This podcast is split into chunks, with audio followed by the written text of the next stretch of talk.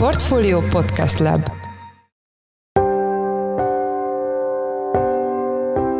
Mindenkit üdvözlünk, sziasztok! Ez a Checklist a Portfolio podcastje február 8-án csütörtökön.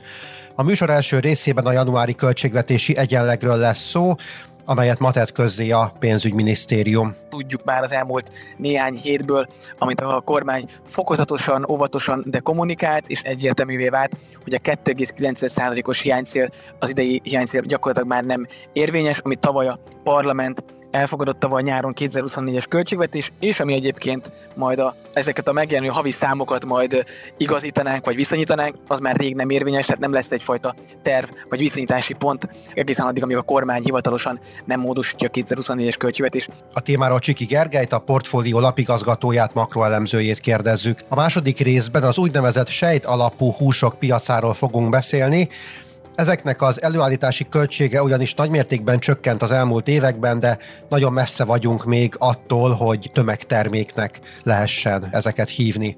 Vendégünk lesz Brau Müller Lajos, az Agrárszektor főszerkesztője. Én Szász Péter vagyok, a Portfolio Podcast Lab szerkesztője, ez pedig a checklist február 8-án.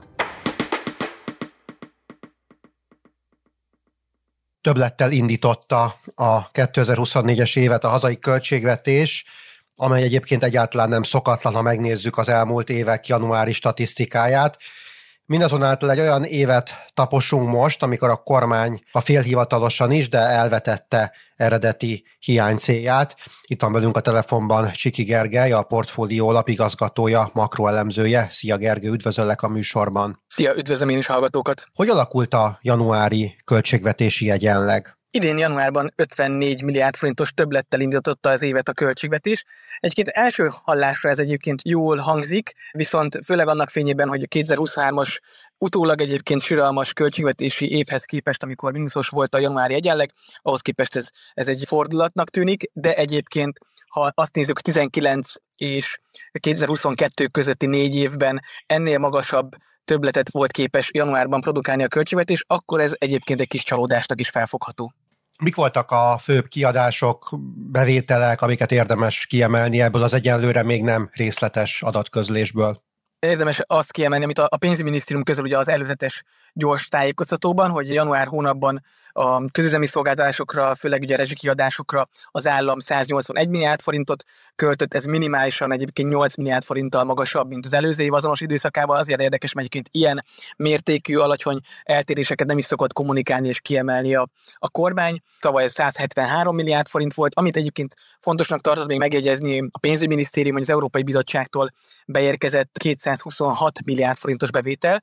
Ugye ahhoz képest, hogy tavaly 23. januárjában nyilván a Brüsszellel folytatott viták nyomán nem is érkezett tavaly csak minimális összeg a költségvetésbe. Jött egy 226 milliárd forintos uniós bevétel a költségvetésben, ez szintén javította a pénzforgalmi egyenleget is az államnak a finanszírozási pozícióját, valamint ugye fontos látni, és nem szabad elfelejteni, hogy évelején 6%-kal emelkedtek a nyugdíjak, és ez pedig csak a nyugellátások kiadási soron 475 milliárd forintos kiadást okozott, ezt ha felszorozzuk 12 hónappal, akkor a hallgatók elképzelhetik, hogy ez egy 5000 milliárd forint feletti kiadási tétel lesz majd 2024 egész éve során. Mi sokat beszéltünk már itt a checklistben arról, hogy valószínűleg nem tartható a 24-es hiány cél sem, most a januári adatot ismerjük.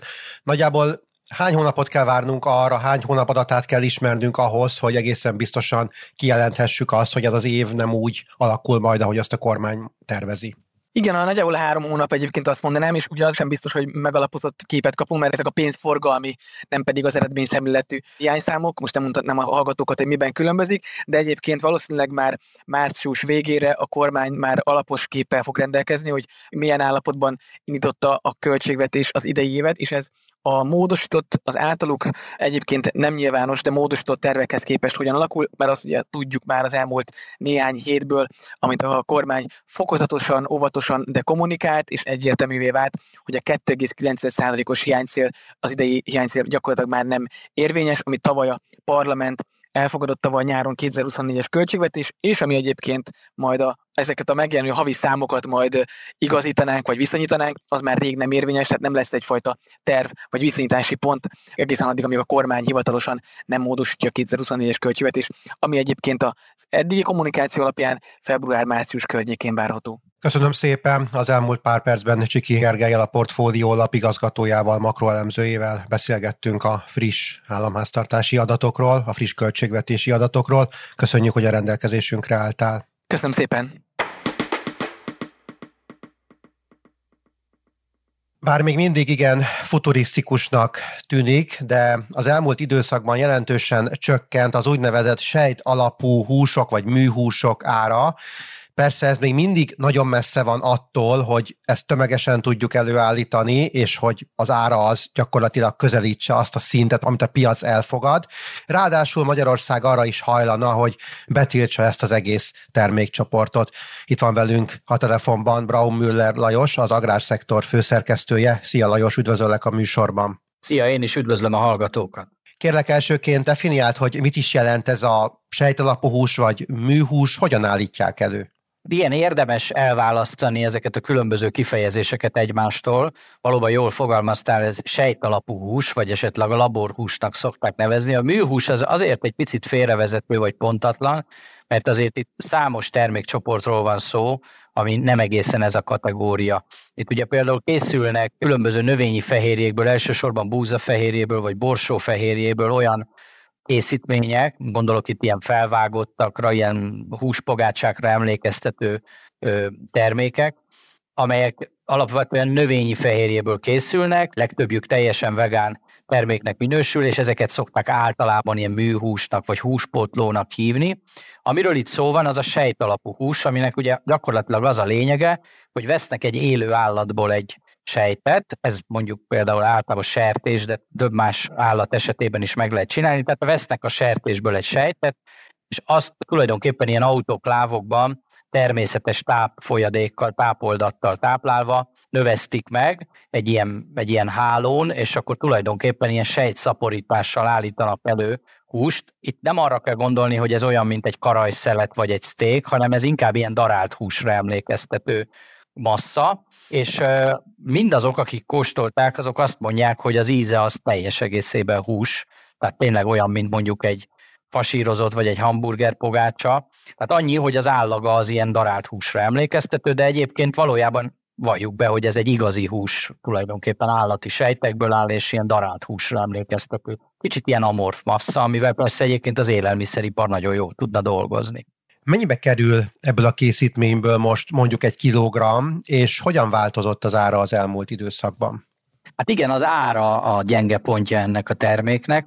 Egyébként borzasztóan magas áron kezdődött ez, tehát általában körülbelül olyan 1000 dollár körül volt egy kilogramm előállítási ára mondjuk 5-6 évvel ezelőtt. A folyamat tökéletesítése miatt ez lement 180 dollár körüli szintre egy kilogramra vetítve, ami persze nagyon nagy csökkenés, de még mindig nagyon drága. Tehát 180 dollárt nem hiszem, hogy bárki fizetne egy kiló darált húsért, és ez jelenleg az az ár, amit ilyen laboratóriumi körülmények között, tehát tulajdonképpen még kísérleti fázisban elő tudnak állítani. A következő árcsökkentési fázis a fejlesztők szerint akkor lesz, amikor a laboratóriumi körülményeket felváltják, és tulajdonképpen egy gyárba helyezik át, egy üzembe helyezik át ennek a terméknek a készítését, itt már ugye a fajlagos költség nagyban csökken, és akkor az a cél, hogy néhány éven belül olyan 25-30 dollárra csökkenjen egy kilogramm sejtalapú húsnak az előállítási ára. Ez az 1000 dollárhoz képest nagyon látványos csökkenés, de ha megnézzük, hogy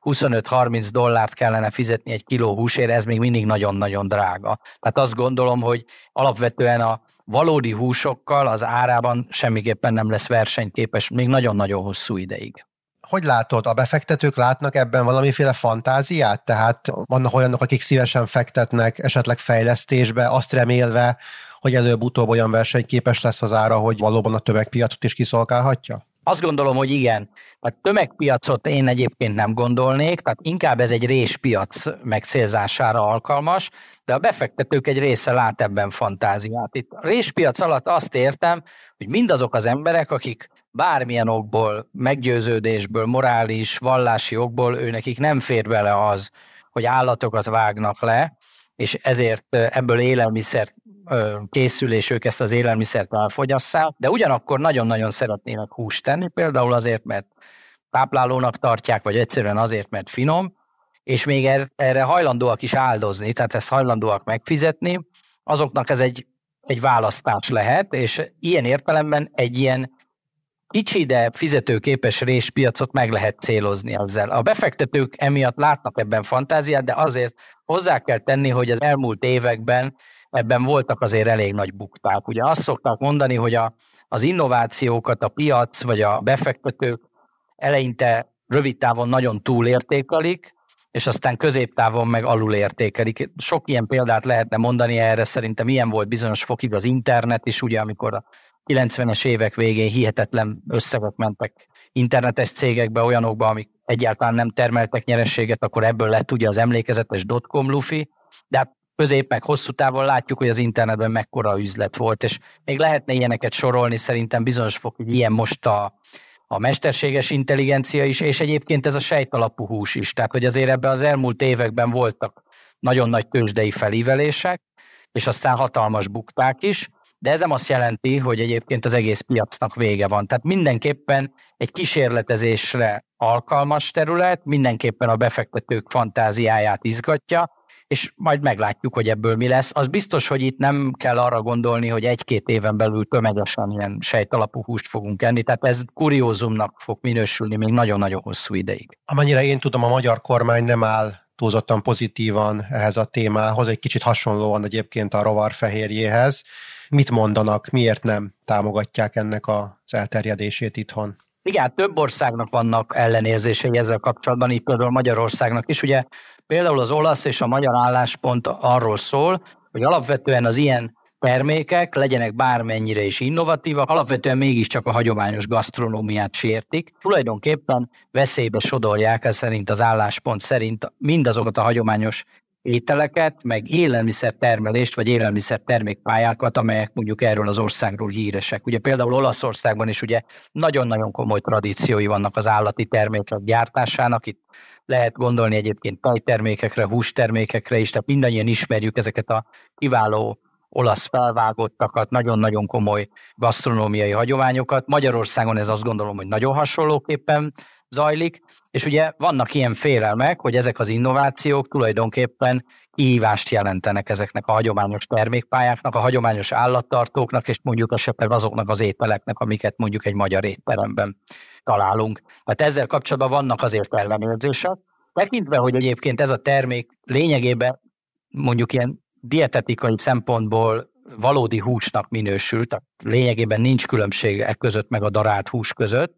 Ezért egyébként az Egyesült Államok hatóságai ezt emberi fogyasztásra alkalmasnak és biztonságosnak minősítették. Tehát Amerikában elvileg lehet ilyeneket kapni, hát ez még mindig nagyon drága, és egyébként azt, lá- azt lehet látni, hogy a fogyasztók sem rohannak vásárolni ilyen húst. Egy-egy étteremben lehet kapni, ez ma is kuriózum számba megy, az Egyesült Államokban, Dél-Kelet-Ázsia egyes nagyon-nagyon extravagáns éttermeikben lehet vele találkozni, de hát ez nem több egyelőre, mint érdekesség. A az állattenyésztéssel kapcsolatban az egy komoly kritika, hogy a növénytermesztés nagy része is gyakorlatilag állati takarmányozási célokat szolgál.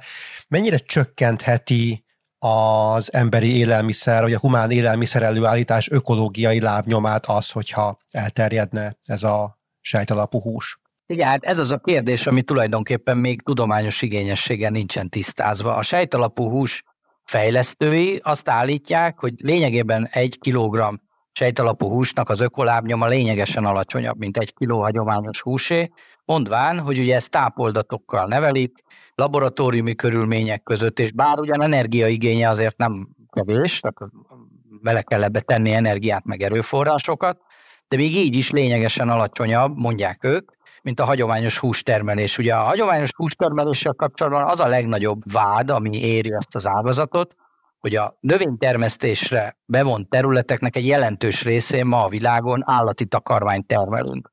Tehát ugye például a vegánok szokták mondani, ugye, hogyha mindenki vegán lenne, akkor lényegesen kevesebb terület eledendő lenne, ahol növényeket termelnének emberi fogyasztásra, ezt egyébként nagyon sokan vitatják, tehát azért, azért nem, ezek véleményes dolgok, ezek azért, még azért nem mutatták ki pontosan, hogy bármelyik félnek ebben vitathatatlanul igaza lenne, de tény az, hogy a hagyományos állattartásnak nagyon hatalmas takarmányigénye van, és ezeket a takarmánynövényeket, ezeket óriási területeken termelik meg.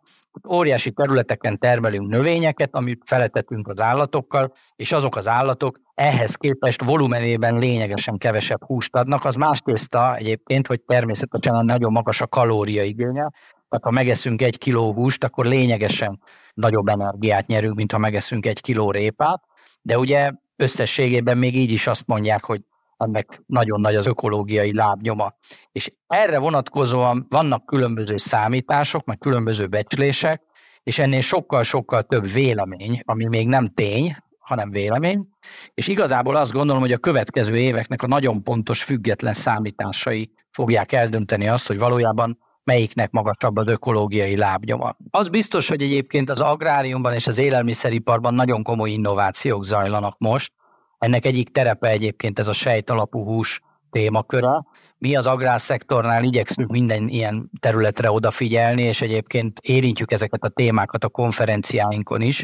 Legközelebb ugye márciusban lesz az Agrárium 2024 konferenciánk, ahol szóba kerül biztosan ez a terület, illetve májusban lesz külön egy agrárinnovációs, élelmiszeripari innovációra fókuszáló szakmai rendezvényünk, ott egészen biztosan komolyan teret kap ez a téma. Köszönöm szépen. Az elmúlt percekben Braun Müller Lajossal, az agrárszektor főszerkesztőjével beszélgettünk a sejtalapú húsokról. Köszönjük, hogy a rendelkezésünkre álltál. Én köszönöm, sziasztok!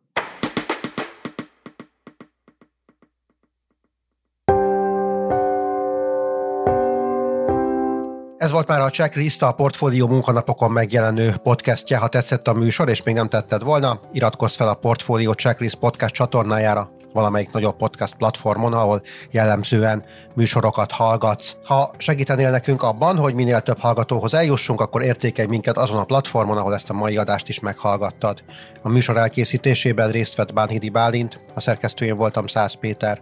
Új műsorral pénteken jelentkezünk, addig is minden jót, sziasztok! Reklám következik.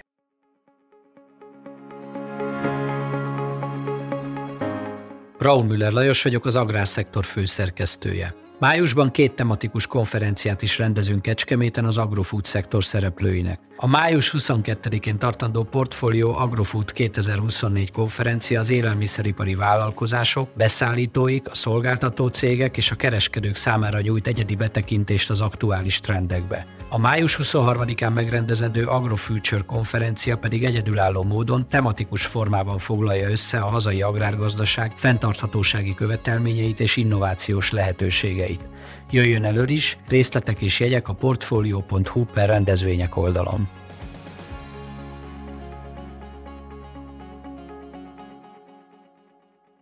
Reklámot hallottak.